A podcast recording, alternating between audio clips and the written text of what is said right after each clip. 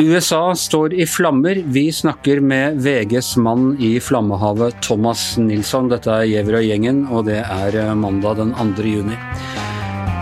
Ja, eh, Thomas Nilsson han er eh, svensk fotograf opprinnelig. Har jobbet i USA siden 1997. Vært fast for VG siden 2002. Han har jobbet for flere korrespondenter enn, enn vi klarer å telle, der, deriblant uh, meg i sin tid. Og han har jobbet under fire forskjellige presidenter.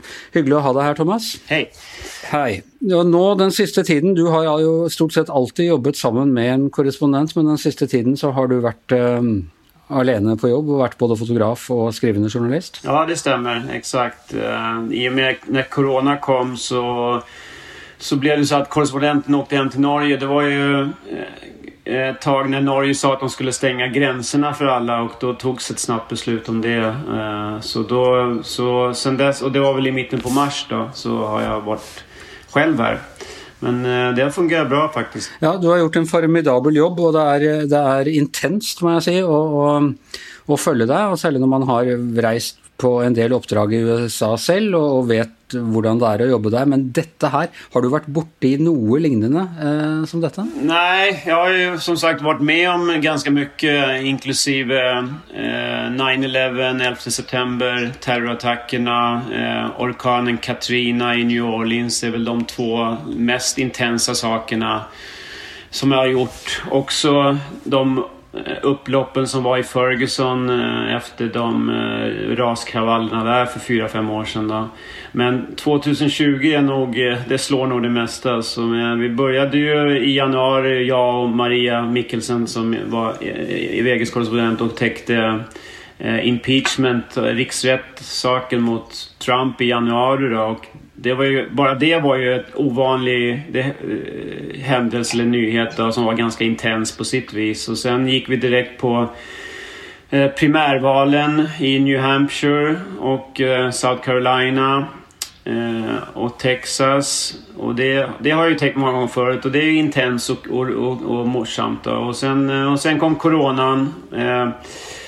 Och förändrade allt för alla i hela världen då, men även här. Och så det har ju varit väldigt annorlunda. Mest har jag jobbat i New York i början då, men sen reste jag till South Carolina och... Eh, all, nej, nej, jag reste till eh, Georgia och... Eh, och eh, Alabama. Och det var väldigt märkligt att resa då. Det var nästan helt tomt på flygplatserna och så vidare. Eh, och, så det har varit annorlunda att jobba och en Eh, den, det är den största nyheten, storyn som jag har täckt tror jag borta. Och sen när det äntligen börjar släppa lite grann då, det är fortsatt ganska mycket lockdown här, speciellt i New York då, men sen eh, har det väl börjat släppa lite, lite. De pratade om att de ska börja öppna upp här i, i eller de har börjat öppna upp i Upstate New York då, men eh, det kommer närmare och närmare New York City då, eh, att man öppnar lite grann. Men så kommer ju det här, eh, ja Minneapolis och det som skedde där som har sig. Alltså, så ja, det har varit ett intenst år.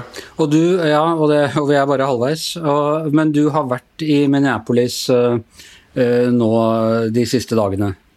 Uh, och här, här från Norge så ser det ju då ut som detta är USA är i färd med att gå upp i, i limminga. Det känns så här också.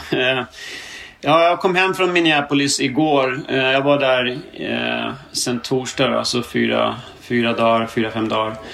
Eh, ja, det är ju...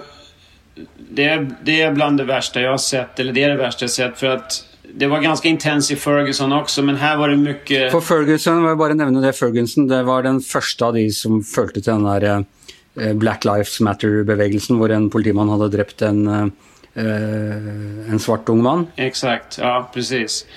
Så det, det, var ju, det blev ju väldigt stora protester och upplopp efter det där. Det var liksom, eh, ja, det var det, var det första stora riktiga sådana eh, som, man, som kom. Men det här är ännu större. Det var mycket fler folk ute för att eh, eh Minneapolis är en större stad också. Och, eh, och det, var, det kändes lite läskigt för att man kände verkligen att polisen inte hade kontroll för att det var, det var alldeles för få poliser gentemot eh, antalet demonstranter. Då. Och, eh, så de, de kom in ibland och gjorde sådana punktinsatser för att skingra eh, folkmassorna med tårgas och gummikulor.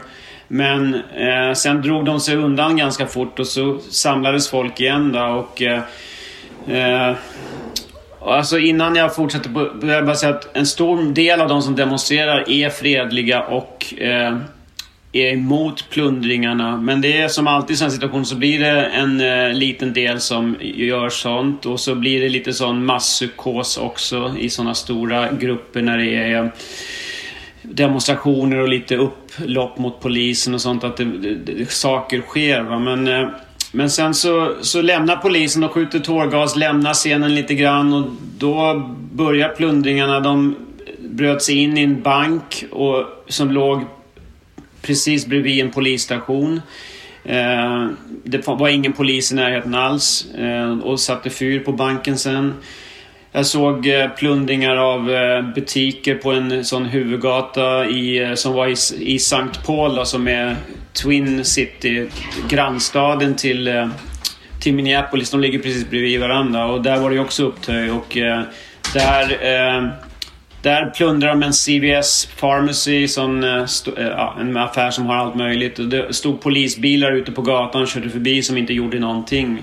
Så man fick en känsla av, att, eh, av anarki och eh, sån domedagsfeeling över det hela, liksom, eller undergångskänsla. Och i, i natt var det väl, har det varit, eh, det har spritt sig till många storbyer och bland annat New York. De har plundrat Macy's i hjärtat av Manhattan. Ja, exakt.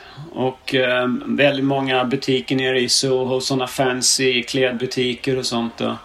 Så det är, och det här är ju butiker som har varit stängda ganska länge nu på grund av Corona. Eh, och de kommer få ännu svårare att öppna, öppna sen ändå. Då. Så det är, Ja, det har spridit sig i hela landet nu. Och, eh... Men Trump kan ju säkert ges skylden för mycket, eh, många ting. Eh, men akkurat alltså politiets brutalitet mot unga svarta män, det har djupare rötter än Donald Trump. Og problemet ble virkelig satt fokus på under Obama, den første svarte presidenten. Og han klarte ikke å gjøre noe med det, han heller, selv om han hadde liksom uttalte seg på mer hva skal du si, sivile måter enn det, enn det Trump gjør. Nej, det är ju ett komplext problem som har funnits långt innan Trump blev president. Eh, Och eh, de, jag pratade med väldigt många på gatan i Minneapolis av demonstranterna. Eh, och man, man menar att Många pratar ju om att det här går ända tillbaks till slaveri, slaveriet då, att det är strukturella, strukturell rasism då, som, som har funnits där hela tiden. Och eh, man känner att ingenting sker. Eh, ingenting blir bättre. Någon, någon mördas av polisen, det blir lite protester och sen går det tillbaks till det gamla liksom. Så, ja, det här känns ju större och det känns som att det kanske kommer leda till någonting mer men, eh, men många, är, många tror inte det heller för att det, det, har, det har ingenting har förändrats förut. Då. Och, och det här med plundringarna av butikerna är en slags frustration då, över det att ingenting aldrig förändras. Så till och med många av dem jag pratar med som är demonstranter men som är emot plundringarna eh, säger att de har full förståelse för varför det sker. För att det är så, så mycket uppbyggd frustration under så många, många år. Att ingenting någonsin förändras. Och det ligger inte men, på Trump. Men, men, det, det, det, men, han, men han det man kan kanske beskylla honom för att inte vara speciellt enande i de här uh, svåra tiderna som USA står i nu. Nej. Eh, bara fråga om de som, de som plundrar, är det stort sett afroamerikanare det också eller är det alla möjliga typer av folk? Eh, alltså det är ju... Jag, har, jag har sett all, alla möjliga typer av folk, det har jag gjort. Det är inte bara afroamerikaner som gör det. Nei, så det är folk som benytter, eh, rett og slett benytter anledningen som eh, uh, kaoset eh, ger? Absolut. Så det, det också, bör ju också nämnas att jag har sett ganska mycket det jag skulle beteckna som uh, unga vita anarkister-typer i de här grupperna också då, som, som är med och, och, och har varit ganska aggressiva också.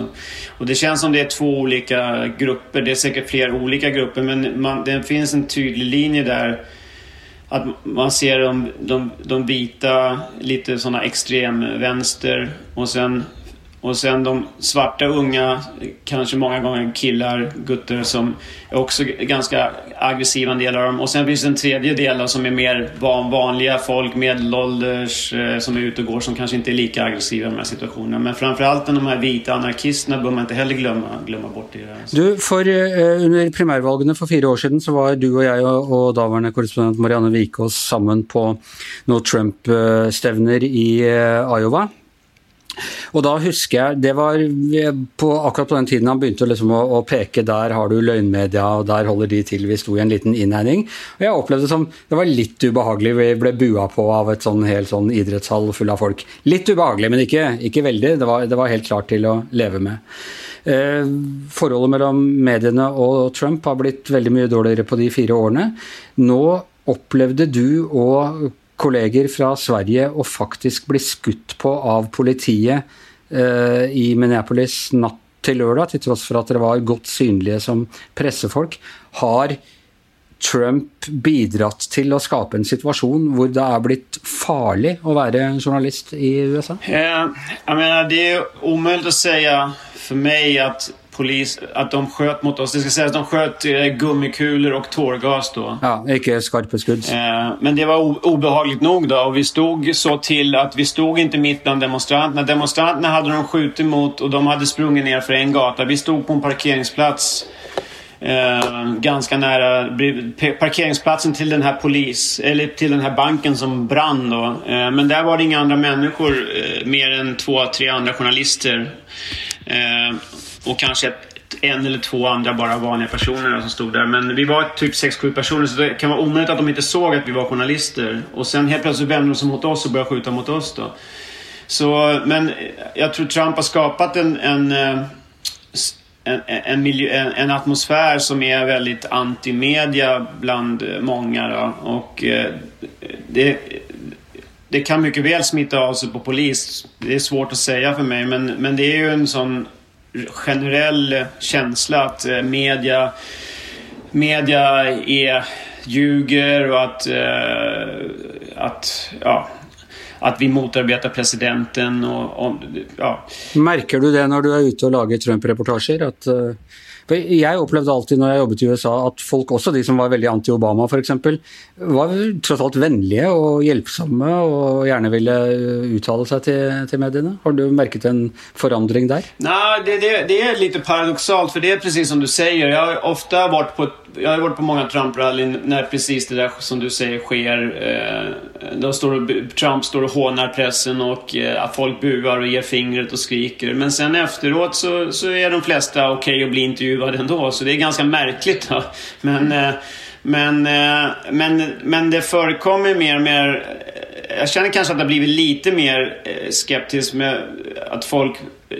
Jag har också varit på några sådana rallys nu som är för att eh, protester mot lockdown i USA. Då, att de vill att man ska öppna upp fortare. Och det är många som tror, inte tror på det här viruset och att det är en konspiration och så.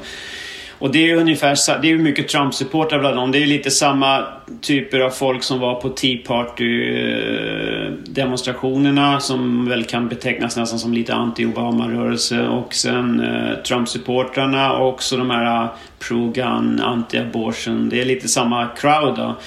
Och, nu, och i de, eh, jag har varit på två sådana demonstrationer. En uppe i Albany, New York och en i Harrisburg, Pennsylvania. Där var folk liksom lite, lite, lite, inte fysiskt aggressiva, men lite så liksom verbalt aggressiva mot media.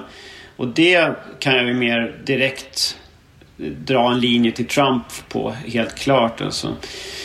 Han har, han har ju, det som du säger, det började lite som morsamt nästan på valmötena som en liten sån stick, liksom ett joke. Då. Men om det var medvetet eller inte från hans sida. Men han har ju bara fortsatt och stärkt på det. Det, har ju liksom, det är som en droppe som urholkar stenen till slut. Han har ju sått ett frö av att folk inte stolar på media längre. För han har, det är som att du bara hamrar in det budskapet att media ljuger, fake news, fake news, fake news. Även om man fakt, faktcheckar saker och se, kan påvisa att han har fel och media har rätt på saker så har det liksom satt sig lite i, i bland en stor del av människor här i USA att, att liksom, ja, media kanske inte talar sanning. Liksom. Och det, det är ju väldigt obehagligt. Du är hemma nu i, eh, rätt utanför New York City. Äh vad, hva, är det nästa du ska ut på? Eh, ja, det är, det är väl lite upp till mig egentligen. Men eh, också såklart vad VG vill. Men jag, jag ser framför mig att jag, vi får ju, Nu har jag bara liksom... Jag har en sak till att, skriva ut från eh, Minneapolis som jag tänkte göra idag. Då, men, och sen är det skönt, jag behöver landa lite. Det var ganska intenskt i Minneapolis. Jag behöver en dag eller två och liksom bara landa här lite. Men jag ser, skulle inte bortse från att jag snart är ute och täcker upploppen här och protesterna här i New York om de fortsätter. Det får vi avvakta och se då. Det är lite spännande att se. Jag, jag bor ju i Westchester County, precis norr, en förstad till New York. Vi flyttade upp, jag har bott på Manhattan i 20 år och flyttade upp hit eh, förra året i somras då. Vi har fått en eh, son som nu är tre år och, eh, och vi vi, vi trivdes väl inte riktigt här uppe och började liksom tänka att vi kanske ska flytta tillbaks till, till, till Manhattan då. För att ja, det var lite för lugnt här uppe och lite så vi men eh, nu känns det väldigt bra att bo här uppe med allt som har skett i år. Alltså nu är vi ganska glada, speciellt att kunna istället för att sitta i en liten lägenhet på Manhattan med en treårig son nu kan vi, och ska vara social distancing och, och liksom eh, sånt. Men det jag skulle säga var att man, vi är med i några sådana Facebookgrupper här och liksom här eh, uppe och, och, även här börjar folk bli oroliga nu. Det är mycket sådana rykten som går att säga de, de kommer upp i Westchester. Ja, butiker har börjat liksom stänga, sätta upp plywood på skiv, skivorna här liksom. På eh, fönstren här. Och, så, så, eh, så vi är väl par, ett par mil utanför Manhattan då, men inte så långt från Bronx som är liksom eh, första norr, norr, norrut i New York City. Då. Ja, så Westchester gränsar till Bronx i söder. Då. Så, så for, for, och, men det känns som att det är mycket sådana här rykten som sprider, men det finns en väldig rädsla här uppe också nu. Liksom. Ja, Uh, treåringen holdt på å komme inn i podkasten her uh, i stad, så jeg ble stoppet av, av moren sin. Du må hilse dem begge så mye. Og ta godt vare på deg selv, eh, Thomas, og tusen takk for at du ville være med i podkasten i dag. Takk så mye, Anders. Jättekul å være med. Og med det så er Giæver og gjengen over for i dag. Vi er tilbake i morgen i hjemmestudio i Oslo. Anders Giæver i sitt eget hjemmestudio i Westchester, New York. Thomas Nilsson og vår faste produsent heter som vanlig Magne Antonsen.